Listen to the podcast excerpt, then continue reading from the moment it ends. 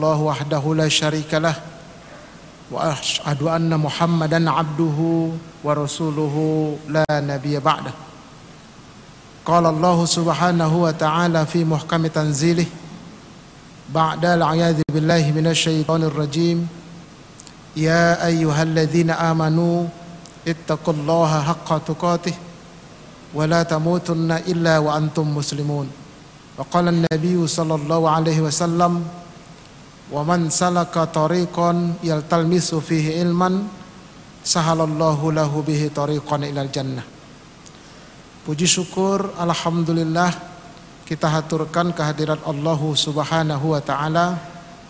Salawat dan salam semoga Allah sampaikan keharibaan uswatun hasanah kita Nabi kita Muhammad sallallahu alaihi wasallam.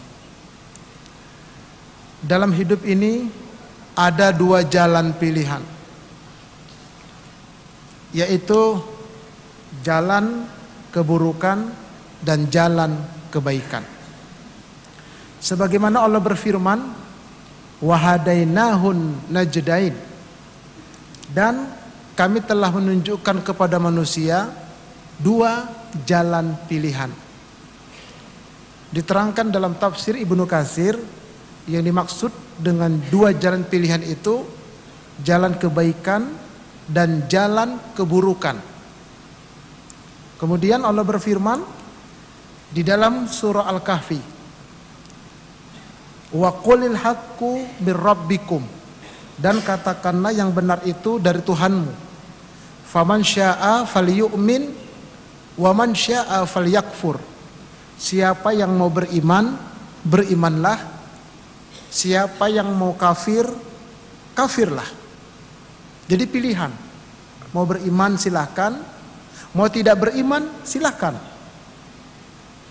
dikembalikan kepada kita masing-masing. Begitu juga mau ke surga, mau ke neraka pilihan. Saya yakin Bapak Ibu belum pernah melihat pelang seperti ini di jalan raya. Enggak bakal ketemu dia. Nah, makanya adanya di Masjid Al Istiqomah. Gat, gat apa namanya Gatot Subroto. Jadi kita mau ke surga atau mau ke neraka pilihan berdasarkan hadis yang diriwayatkan oleh Imam Muslim. Wa man salaka tariqan yaltalmisu fihi ilman. Dan siapa yang menempuh jalan untuk menuntut ilmu seperti kita ini, sahalallahu lahu bihi tariqan jannah. Allah mudahkan jalannya menuju ke surga. Yang mau duduk sebentar untuk mendengarkan tausiah, silakan yang mau jalan silahkan pilihan.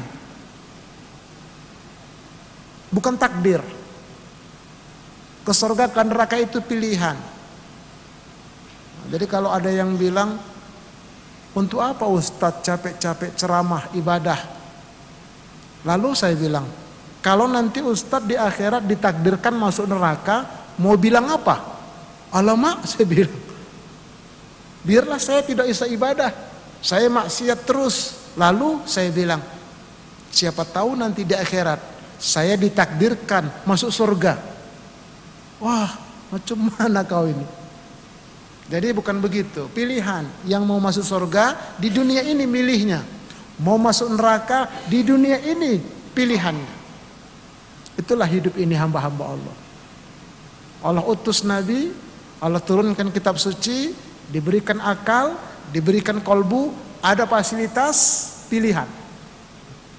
Hmm, enaklah, mudah-mudahan kita sekarang ini sedang memilih jalan ke surga. Amin ya rabbal alamin. Baik. Tema kajian kita ya, sebelum terlambat, maaf jalan ke surga sudah ditutup. Silakan lewat neraka. Kenapa? Sudah sekeratul maut baru mau bertobat dan tidaklah diterima taubatnya orang berbuat dosa.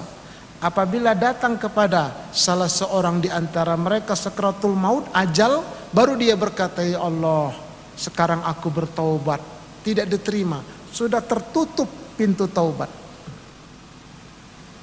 Apa orang kalau sekarat itu bisa bicara Ustadz? Bisa. Ini dalilnya. Sekarang banyak yang sekarat, sekratul maut, banyak di dunia ini. Mereka belum surat bertaubat. Ini bahasanya. Kalau tidak percaya, tunggu tanggal mainnya. Nah, bakal ngalamin semua kita ini. Entah bapak ibu duluan, saya belakangan, atau saya belakangan, bapak ibu duluan. Sama aja kan? Atau kita mati berjamaah. Saya baru dapat informasi tadi ada sebesar 4 km meteor sedang menuju ke bumi. Itu kata NASA. Diperkirakan 6 Ramadan 2020 jatuh ke bumi. Terjadi dukhon. Badai matahari, asap. Karena terjadi gesekan dia. Inilah kata Nabi. Di akhir zaman akan datang meteor ke muka bumi. Nah ini hamba-hamba Allah. Sebelum terlambat. Ayo pilihan. Baik. Adapun tema kajian kita pada siang hari ini adalah praktik akidah Islam dalam kehidupan. Bukan praktek, tapi praktik. Begitu yang saya baca dalam kamus bahasa Indonesia. Nah, bagaimana kita mempraktikkan akidah Islam dalam kehidupan? Memang sederhana tapi penting karena apa? Banyak orang Islam murtad tanpa sadar. Banyak sekali. Ya. Baik. Kekhawatiran Nabi Yakub terhadap anak-anaknya adalah akidahnya. Sebagaimana Allah berfirman dalam surah Al-Baqarah 133. Am kuntum syuhada idh hadara Yaqubal mautu idh qala li banihi ma ta'buduna min ba'di kalau nanti ayahmu ini meninggal wahai anak-anakku, apa yang kalian sembah? Apa yang kalian sembah? Itu yang dikhawatirkan Nabi Yakub. Padahal anak-anaknya itu rata-rata jadi nabi. Tapi Nabi Yakub tetap khawatir kepada anak-anaknya tentang akidah anak-anaknya. Ini hamba-hamba Allah. Demikian juga Nabi Ibrahim Nabi Ibrahim berpesan kepada anak-anaknya, "Fala tamutunna illa wa antum muslimun." Janganlah kalian mati wahai anak-anakku. Setidak-tidaknya matilah kalian dalam akidah Islam. Dalam keadaan muslim. Kalau bisa mati mukmin, beriman. Paling bagus mati muttaqin, bertakwa. Tapi setidak-tidaknya muslim. Jangan di bawah muslim, jangan munafik, jangan fasik, jangan musyrik, jangan murtad, apalagi kafir. Nauzubillah, muslim. Ini pesan Nabi Ibrahim kepada anak-anaknya. Nah, bagaimana dengan kita sebagai orang tua di akhir zaman? Apa yang kita khawatirkan kepada anak-anak kita? Kalau kita sudah tiada. Sebagian orang ya sebagai orang tua berkata kepada anak-anaknya ma takuluna min ba'di. Nanti kalau bapakmu tidak ada nak kalian makan apa? Nah itu jadi makanan yang ditakutkan. Oleh karena itu nak sekolah yang tinggi-tinggi biar jadi direktur jadi pengusaha sukses. Bukan tidak boleh boleh. Tapi jangan lupakan akidah Mestinya kita sebagai orang tua berkata kepada anak-anak kita, "Wahai anak-anakku, kalau sekarang aku sebagai ayahmu masih rajin ke masjid, rukuk, sujud menyembah Allah. Ibumu, makmu masih suka ke masjid, ikut menghadiri majelis taklim. Nanti kalau kami tidak ada, apakah kalian masih mau ke masjid, Nak?" Begitu mestinya. Nah oleh karena itu anak-anak kita itu masukkan ke masjid, ke TPA agar mereka belajar agama, mengenal akidah. Ini hamba-hamba Allah. Selain kita sekolahkan di sekolahan umum. Kenapa? Karena semakin hari semakin rusak akidah kaum muslimin. Kebanyakan. Terutama jamaah haji dan umroh tanggal 30 Agustus dua bulan lalu kebetulan saya kembali dari tanah suci menunaikan ibadah haji sekaligus membimbing jamaah ya ada 182 jamaah yang saya bimbing 122 jamaah haji plus nunggu 4 tahun, daftar nunggu 4 tahun. Dan ada 60 jamaah haji furoda, daftar tahun ini, berangkat juga tahun ini. Cuman agak mahal dia. 250 sampai 300 juta. Satu orang. Tapi hati-hati kalau tidak kenal travelnya bisa tertipu. Tapi kalau kenal sama Ustadz Purba misalnya, ah insya Allah aman lah umpama yang mau berangkat. Yang ingin saya sampaikan begini, ketika habis tawaf, salah seorang sahabat, salah seorang jamaah bilang, Ustadz, kok kita belum mengelilingin Ka'bah tadi? Loh, barusan Pak, kan kita barusan selesai tawaf. Ustadz, saya tidak lihat Ka'bah Ustadz. Banyak yang gak lihat Ka'bah, cuma gak ngaku. Nah dia ngaku. Kita panggil ke kamar, bicara empat mata, serius Bapak tidak lihat Ka'bah. Serius Ustaz. Langsung aja, Bapak belum buka ihram. Ngaku aja Pak, pasti Bapak bawa jimat ya. Terdiam dia. Bapak bawa jimat kan? Apa kata dia? Benar Ustaz. Saya bawa jimat. Jimat apa Pak? Jimat kuat kalau dorong-dorongan saya tidak jatuh. Ya Allah ya Rob. Mana jimatnya? Kita ambil, bawa dia tawaf, dibawa tawaf sama mutawif, baru nampaknya Ka'bah itu. Kenapa tidak melihat Ka'bah? Karena bertentangan dengan kalimat talbiyah.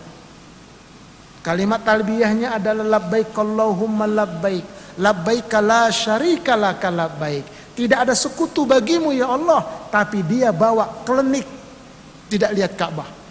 Banyak sebetulnya jamaah haji umroh dari Indonesia yang tidak melihat Ka'bah tetapi tidak mengaku malu. Kenapa? Karena rata-rata jamaah haji Indonesia dan umroh ini masih pakai klenik. Sebagian besar pedagang-pedagang pakai klenik. Ditaruh di laci uangnya itu benang tujuh rupa, benang obras, benang pancing, benang layang-layang, benang sol sepatu, benang sulam, semua benang ada itu syirik. Belum lagi sebagian perempuan artis pakai susuk di bibir. Begitu dia senyum, orang pada gempor semua ngelihat dia. Maaf, belum lagi sebagian pejabat pakai kelemik. Pakai para tidak normal, pakai dukun. Di negeri ini. Nah, harus sampaikan ini. Hati-hati hamba-hamba Allah. Entah sabdo apa, entah sabdo palon, sabdo ini. Hati-hati. Enggak lihat Ka'bah. Karena bertentangan dengan talbiyah. Inilah akidah umat di akhir zaman. Ya Allah ya Rabb. Sedih kita Bapak Ibu sekalian. Apalagi ada orang menggosok-gosokkan sorbannya dan cincinnya di Ka'bah supaya keramat. Begitu pulang ke tanah air, sorbannya tiga tahun gak pernah dicuci. Karena kalau dicuci hilang keramatnya. Ini realita loh. Ada lagi orang yang tidak bisa atau yang mencium hajar aswad. Ya, mencium hajar aswad atau menyembah Ka'bah. Dia katakan menyembah batu. Karena sebelum pergi ke sana, dia pernah diskusi sama temannya yang beragama Hindu dan Buddha. Kata temannya, Anda muslim ya? Iya saya muslim. Kalau Anda berdua, kami Hindu dan Buddha. Kata orang Buddha sama Hindu, hei saudara muslim, sebetulnya agama kita sama. Kok sama? Sama-sama nyembah batu. Kami patung dewa, batu. Kalian Ka'bah, batu. Cuman beda bentuk. Makanya dia ketika sholat Allahu Akbar. Ragu dia. Kok batu saya sembah? Ini kalau nggak hati-hati ngeri loh. Banyak orang mengkultus Ka'bah. Batal akidah. Lalu bagaimana caranya supaya tidak batal? Nih, perhatikan. Ketika kita di depan Ka'bah, kita ruku dan sujud, kita baca doa dari Nabi. Subhana rabbiyal azimi. Kok tidak ada wabihamdinya Ustaz? Ada hadis lain. Dalam hadis lain, Subhana rabbiyal azimi wabihamdihi. Tapi kata ulama hadis, derajat hadisnya hasan. Kalau tidak pakai wabi hamdihi, subhana azim, derajat hadisnya soheh. Makanya yang saya tuliskan yang ini. Maha suci Tuhanku yang maha agung, bukan Ka'bah ini Tuhan. Maha suci Tuhanku yang maha tinggi, bukan Ka'bah ini Tuhan. Itu niat kita. Lalu kenapa menghadap Ka'bah? Karena mentaatin firman Allah. Suratul Baqarah ayat 148 149. Wa min haitsu kharajta fawalli wajhaka syatral masjidil haram. Jadi dari Madinah menyembah Allah itu menghadap ke Masjidil Haram. Dulunya ke, ke Aqsa. Kemudian diperintahkan Allah menghadap ke Masjidil Haram. Di dalam Masjidil Haram salatnya menghadap ke Ka'bah. Di dalam Ka'bah salatnya menghadap keluar Ka'bah. Di Hijri Ismail salatnya boleh menghadap Ka'bah, boleh menghadap keluar. Karena hijr Ismail bahagian dari Ka'bah.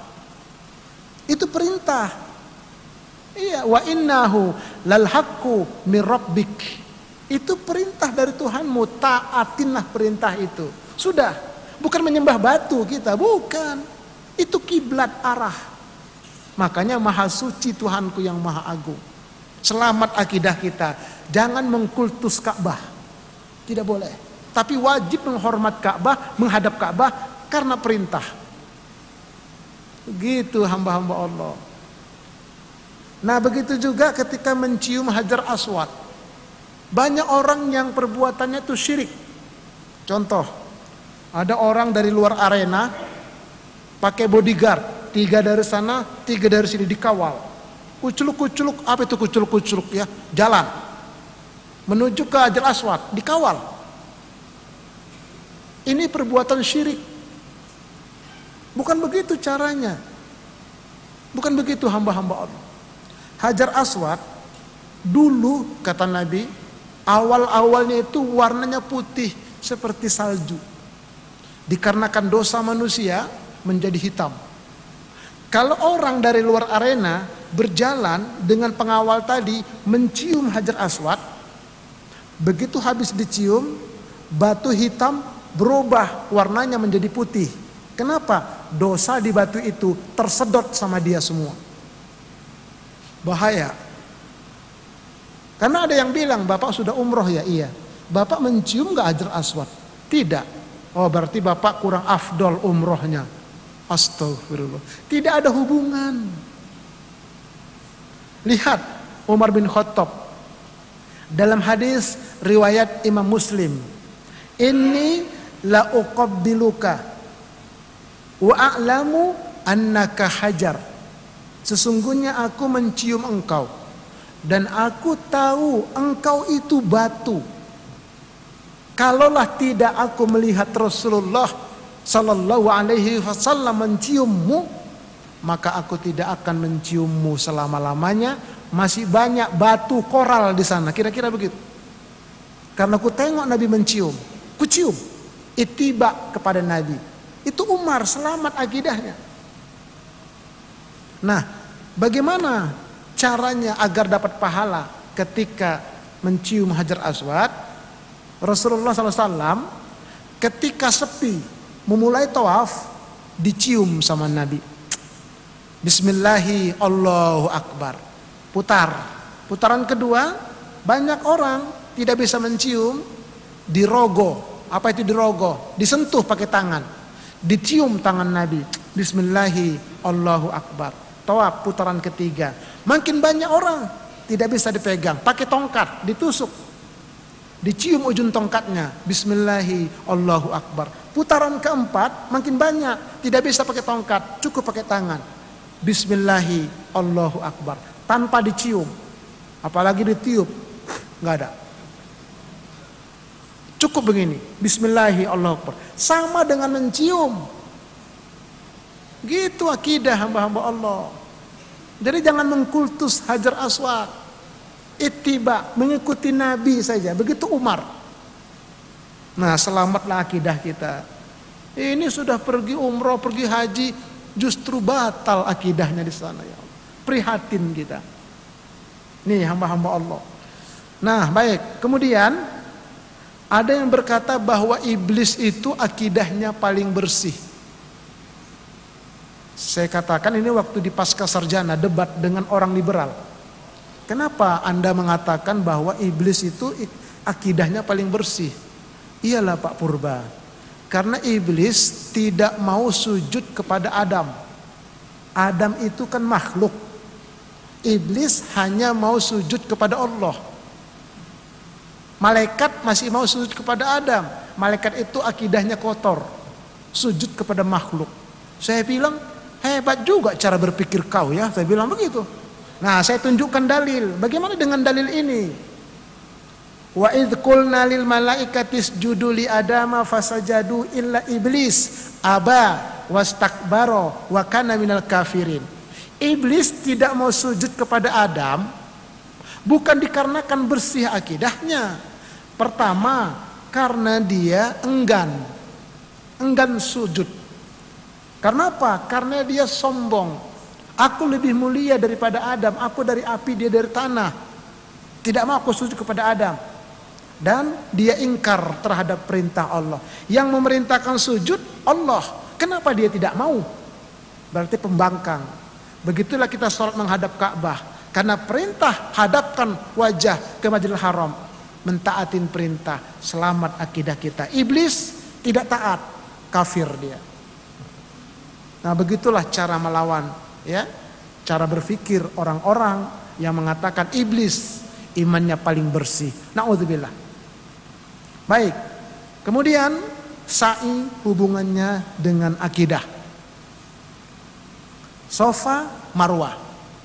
Sa'i artinya berusaha mencari air yang dilakukan oleh ibunda Siti Hajar. Nabi Ismail diletakkan di hijir di sini yang melengkung, masih bayi, dibikin teduhan, diletakkan di situ. Siti Hajar berangkat ke sofa, ke Marwah tujuh kali bolak-balik, tidak bertemu dengan air, tapi sudah berusaha, sa'i berusaha. Nah, lalu Allah berikan air di telapak kaki hijir Ismail itu. Diangkat Ismail, ada mata air. Siti Hajar bilang, Zammi, Zammi, berkumpullah, berkumpullah, maka menjadilah air zam-zam. Sampai sekarang, air yang berkumpul. Yang ingin sampaikan adalah bahwa ya kewajiban kita ikhtiar dan doa.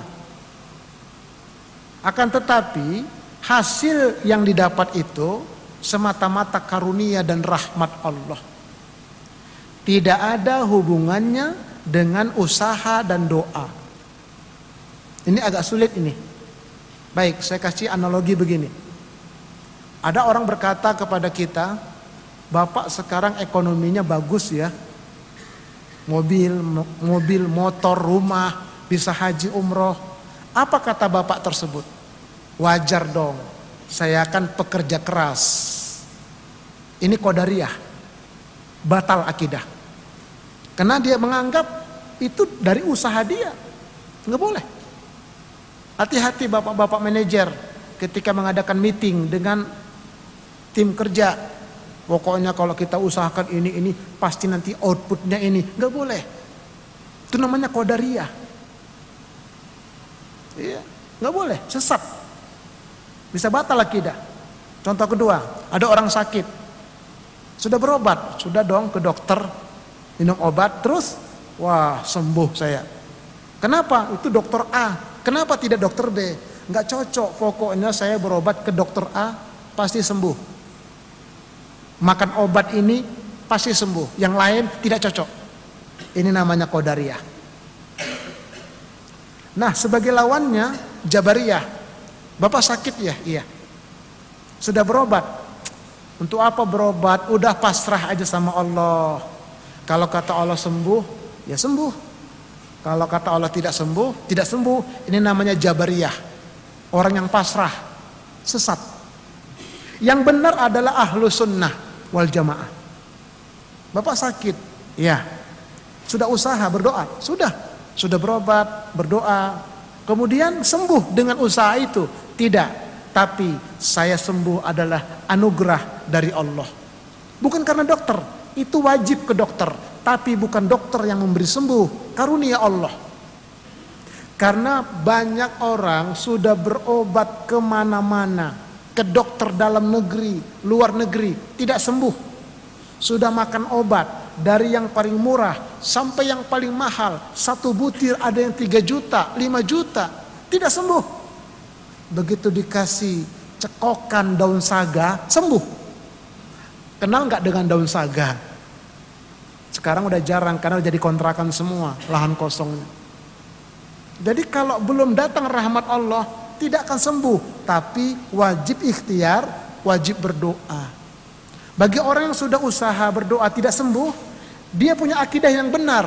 Ya Allah, Engkau belum berikan anugerah sembuh kepadaku, tapi aku yakin Engkau sedang membakar dosa-dosaku ya Allah. Jadi kalau tidak sembuh-sembuh, Allah sedang membakar dosa kita. Itu akidah yang benar hamba-hamba Allah. Nah, begitulah akidah dalam kehidupan kita sehari-hari. Makanya Nabi Sulaiman, ya Nabi Sulaiman ketika dia mendapat anugerah, apa kata Nabi Sulaiman? Hada min fatli rabbi. Ini adalah karunia dari Tuhanku yang sedang menguji aku. Apakah aku bersyukur ataukah aku kufur? Nabi Sulaiman punya anak buah luar biasa. Ketika Ratu Balkis menuju ke kerajaan Sulaiman, dikumpulkanlah anak buah Nabi Sulaiman, bangsa jin, bangsa hewan, dan manusia. Siapa yang bisa memindahkan singgasana Ratu Balkis kemari? Kursinya, sofanya bisa pindah kemari. Ratu Balkis dalam perjalanan, angkat tanganlah jin ifrit Jin yang cukup besar kalah jin tomang besarnya. Berapa lama waktu yang kau butuhkan memindahkan itu sebelum tuanku berdiri dari tempat duduk. Nah, pindahlah itu. Bagus kata Nabi Sulaiman. Siapa lagi ini angkat tangan saya ya wahai Nabi Sulaiman. Manusia, ulama yang paham tentang kitab Allah, mengamalkan kitab Allah. Berapa lama waktu yang kau butuhkan memindahkan itu sebelum kelopak mata tuan berkedip sekejap mata.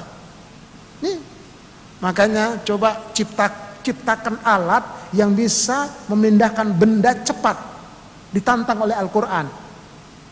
Ya, surah An-Naml ayat 40. Ketika itu pindah, kata Nabi Sulaiman, ini karunia Tuhanku. Bukan karena doa orang tersebut, karunia Allah. Itulah hamba-hamba Allah. Bapak sukses ekonominya ya, apa karena Bapak kerja keras? Tidak nak.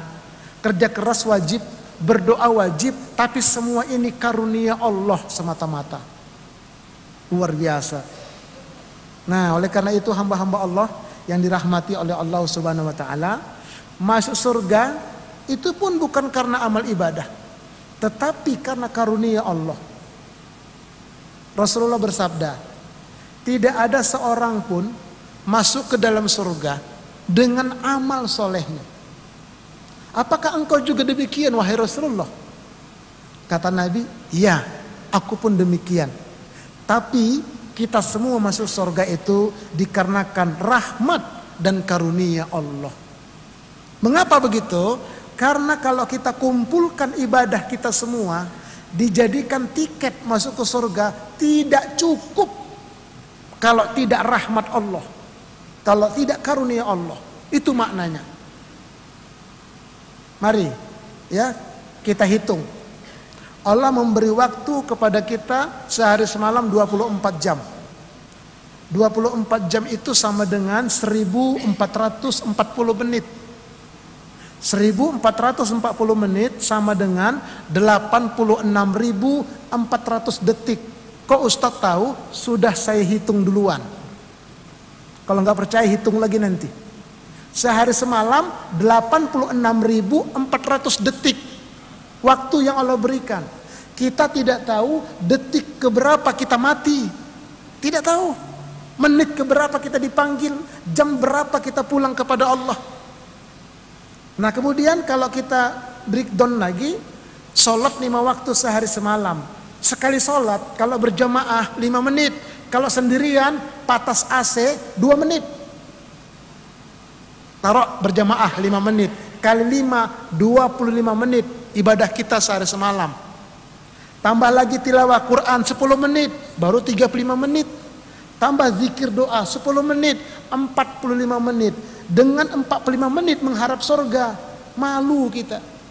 Kata malaikat ngacak kamu 45 menit kamu beribadah sehari semalam mengharapkan surga enggak cukup kalau tidak karena rahmat dan karunia Allah. Jadi bukan karena amal, tapi wajib beramal. Kalau tidak beramal, tidak beribadah, tidak dapat rahmat, tidak dapat karunia. Tidak beriman, tidak dapat. Beriman, beramal soleh, wajib. Tapi bukan itu memasukkan ke surga rahmat dan karunia Allah. Karena nggak cukup. nggak cukup. Baik, kalau begitu apa itu rahmat? Rahmat adalah gabungan Rohman dan Rohimnya Allah. Rahmat gabungan Rohman dan Rohim menjadi rahmat.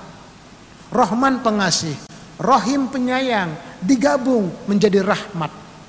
Ini kadang-kadang namanya Pak Rahmat, tapi tidak mengerti apa arti rahmat. Nah sekarang harus ngerti dia. Gabungan Rohman dan Rohim. Jadi rahmat. Nah kemudian karunia. Apa itu karunia?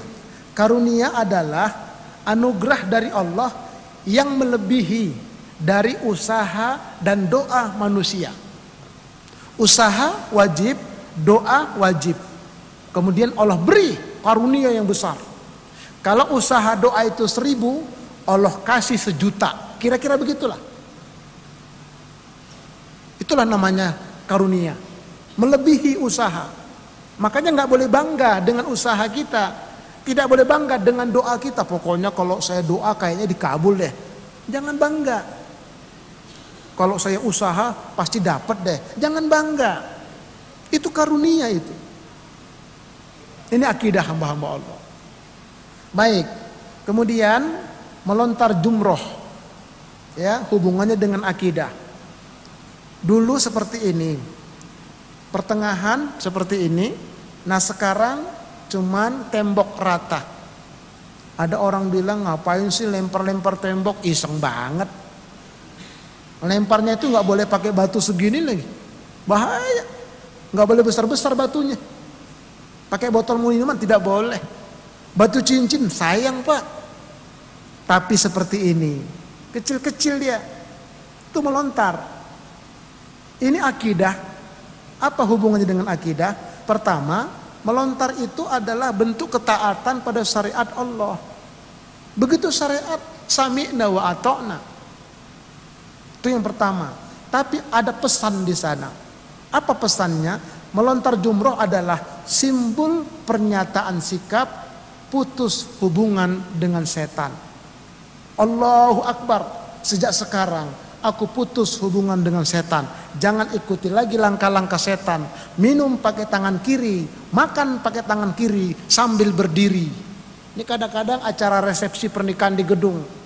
Makan berdiri, om nom nom. Kalau dia haji, haji setan. Minum tangan kiri. Kalau dia ustad, ustad setan.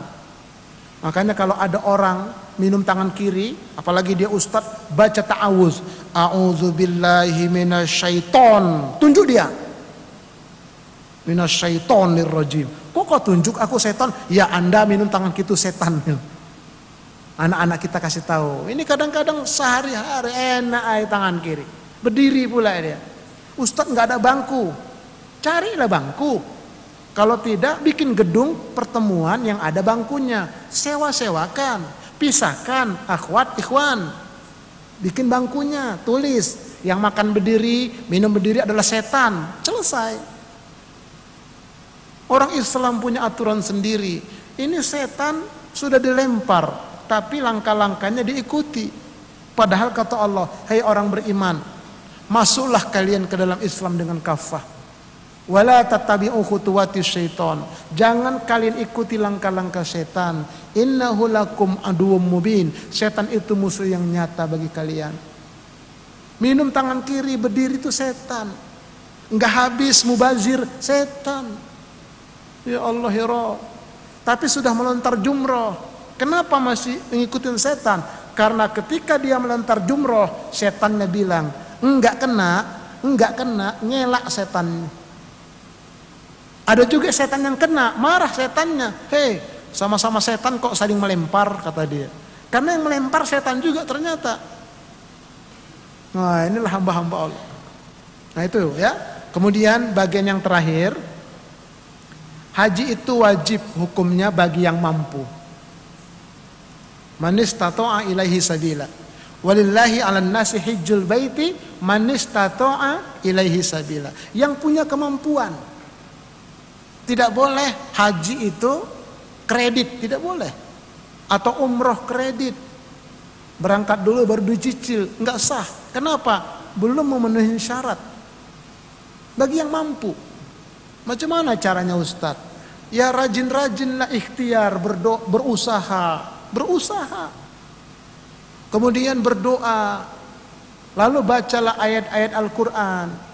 Yang paling penting juga bacalah surat tanah dan sertifikat. Ah, insya Allah jadi itu. Jangan didiem aja surat tanah, baca. Contohnya ini, misalnya seseorang memiliki 2000 meter tanah di Depok. Kemudian 10 pintu kontrakan, besar-besar, bukan kecil-kecil pintunya, besar. Tambah lagi lima ruko di Tanah Abang. Tambah lagi emas batangan. Termasuk dirinya sendiri. Emas purba misalnya. Tambah lagi tiga mobil. Empat motor. Tapi belum daftar haji. Belum pergi haji. Kata Nabi, silahkan mati Yahudi, mati Nasrani, atau mati Majusi. Udah mampu dia. Ustadz belum dapat panggilan.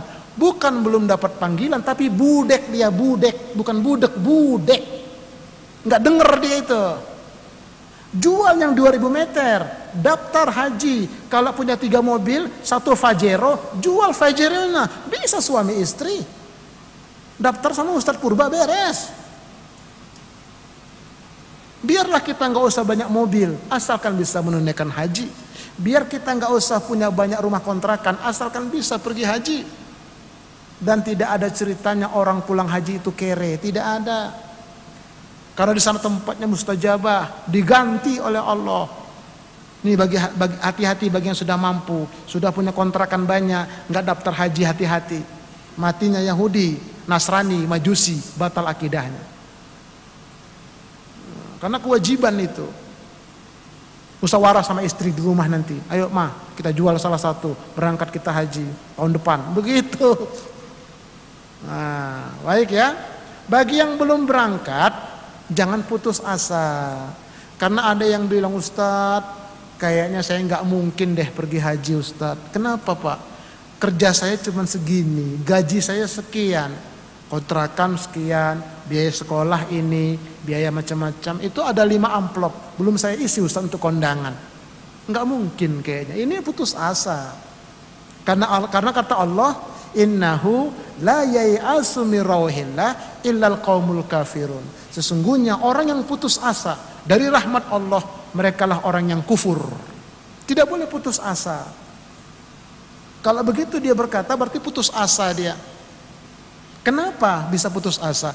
Padahal setiap hari bertakbir Allahu Akbar. Apa makna Allahu Akbar Pak? Allah maha besar, bukan. Kalau kita mengartikan Allahu Akbar, Allah maha besar, itu insya Allah putus asa terus dia. Yang benar bagaimana supaya nggak putus asa? Kita terjemahkan Allahu Akbar itu dalam konteks milenial ini adalah Allah itu unlimited. Bukan hanya pulsa disimpati ini yang unlimited. Yang benar itu Allah itu unlimited. Artinya apa? Allah itu tidak terhingga kekuasaannya. Allah itu tidak terhingga kasih sayangnya. Allah itu tidak terhingga anugerahnya. Allahu Akbar. Engkau tidak terhingga segalanya. Makanya kalau putus asa berarti nggak paham dia. Lalu bagaimana Ustadz caranya? Kerjaan saya cuma segitu supaya bisa saya pergi haji umroh. Ini solusinya. Tingkatkan takwa dan tawakal kepada Allah. Allah berfirman dalam surah At-Talaq ayat 2 dan ayat 3. Wa may yattaqillaha yaj'al lahu makhraja. Siapa yang bertakwa kepada Allah, Allah berikan bagi dia jalan keluar dari kesulitan hidupnya. Wa yarzuqhu min haitsu la yahtasib. Allah berikan rezeki kepada dia yang tidak pernah dia sangka sebelumnya. Di luar nalar dia. Kan sekarang ini dari DKI ada yang berangkat umroh 420 jemaah. Merbot masjid, ketua majelis taklim. Mereka berkata, ya Ustadz betul Ustadz, saya nggak nyangka bisa pergi umroh ini. Tapi itulah karunia Allah karena ketakwaan dia selama ini menjaga rumah Allah. Ketakwaan hamba-hamba Allah. Jadi jangan putus asa. Saya pribadi ini tahadus bin Nikmal. Datang dari Medan ke Jakarta dulu tahun 1989 tamat pondok pesantren. Kuliahlah saya di kampung Melayu. Ya tinggal di Kemanggisan Jakarta Barat. Pagi saya kuliah pulang kuliah saya bekerja sama orang Padang Taylor. Saya bisa usaha Pak Taylor Pak. Malam saya privat ngajar. Dulu. Berangkat naik Bis selalu gratis. Kenapa? Duduk dekat supir. Horas lae. Bah, horas nggak bayar. Gara-gara horas. Sampai di warteg ditanya, Mas mau makan Mas? Girang saya dipanggil emas. Selama di Medan dipanggil tulang. Naik harga tulang menjadi harga emas. Pakai apa Mas? Pakai bandeng Mbak, tapi kuahnya saja. Bandengnya mahal. Apalagi pakai rendang, bumbunya saja. Sayur banyak banyakin kuahnya, tempe goreng dua, air putih dua gelas. Kenyang berapa Mbak? 800 rupiah. Waktu itu Susah. Tapi saya tingkatkan terus. Kemudian dikasih jodoh oleh Allah. Orang Betawi, tuan tanah pula. Tuh. Punya anak banyak, masih perawan perjaka, sudah dihajikan semua. Termasuk istri saya. Menikah dengan saya, sudah hajah. Saya ceramah ke mana-mana dipanggil orang. Pak Haji, ya saya sudah naik haji, tapi belum pergi haji. Waktu itu Ketemu mertua ipar cerita mereka tentang haji. Menangis saya pak. Menangis. Tapi saya nggak habis cara. Doa kepada Allah. Engkau maha segalanya ya Allah. Undang hamba ke sana. 2012 sampai tahun ini tiap tahun berangkat haji dan membimbing haji. Berangkat umroh dan bawa jamaah umroh. Orang tua saya bilang di Medan macam mana kau bikin caranya ke Mekah Madinah kayak ke pasar aja kau bikin nggak tahu lama Allah yang ngasih anugerah mak. Kenapa kita tingkatkan takwa kita tawakal kita yakin kita kepada Allah? Hakul yakin. Oleh karena itu hamba-hamba Allah. Apa itu takwa? Ini dia takwa.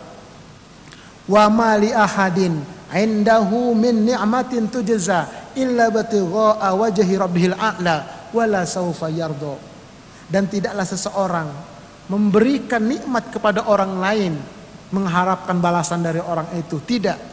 Menolong orang lain tidak mengharapkan balasan dari orang lain? Tidak. Tetapi semua itu dilakukan mengharapkan keriduan Allah yang maha tinggi. Kelak kami akan puaskan batinnya. Itulah takwa. Jadi berbuat beramal apa saja itu mencari ridho Allah. Kalau mengharapkan dunia pasti kecewa menolong orang karena mengharapkan jabatan, nggak dapat jabatan kecewa, nggak dapat duit kecewa, nggak dapat proyek kecewa karena mengharapkan orang lain, mengharapkan dunia. Tapi coba kalau mengharapkan ridho Allah, nah itulah dia takwa itu. Nah ciri-ciri takwa berikutnya nggak mengeluh. Ini kadang-kadang sebagian ibu-ibu mengeluh, mama capek tahu, itu nggak bertakwa. Bapak juga bilang, bapak juga capek tahu, nggak boleh. Orang yang bertakwa itu tetap dia senyum, ikhlas menjalankan kehidupan ini. Bekerja capek bagaimanapun dia karena mencari ridho Allah, wajahnya berseri-seri, tidak mengeluh. Begitu juga ibu di rumah, tidak mengeluh. Itulah ketakwaan kepada Allah dan batinnya akan puas. Ini saja hamba-hamba Allah yang dapat saya sampaikan pada pertemuan kita kali ini. Untuk itu akidah Islam ini, untuk akidah Islam inilah kita hidup. Di atas akidah Islam inilah insya Allah kita mati. Insya, insya Allah. Ini saja Saya kira tidak usah tanya jawab karena cukup jelas dan gamblang. Ya, mari kita berusaha meningkatkan akidah kita di akhir zaman ini. Ya. Baik, kita tutup dengan doa kifaratul majlis. Subhanakallahumma wa bihamdika asyhadu an la ilaha illa anta astaghfiruka wa atubu ilaik. Assalamualaikum warahmatullahi wabarakatuh.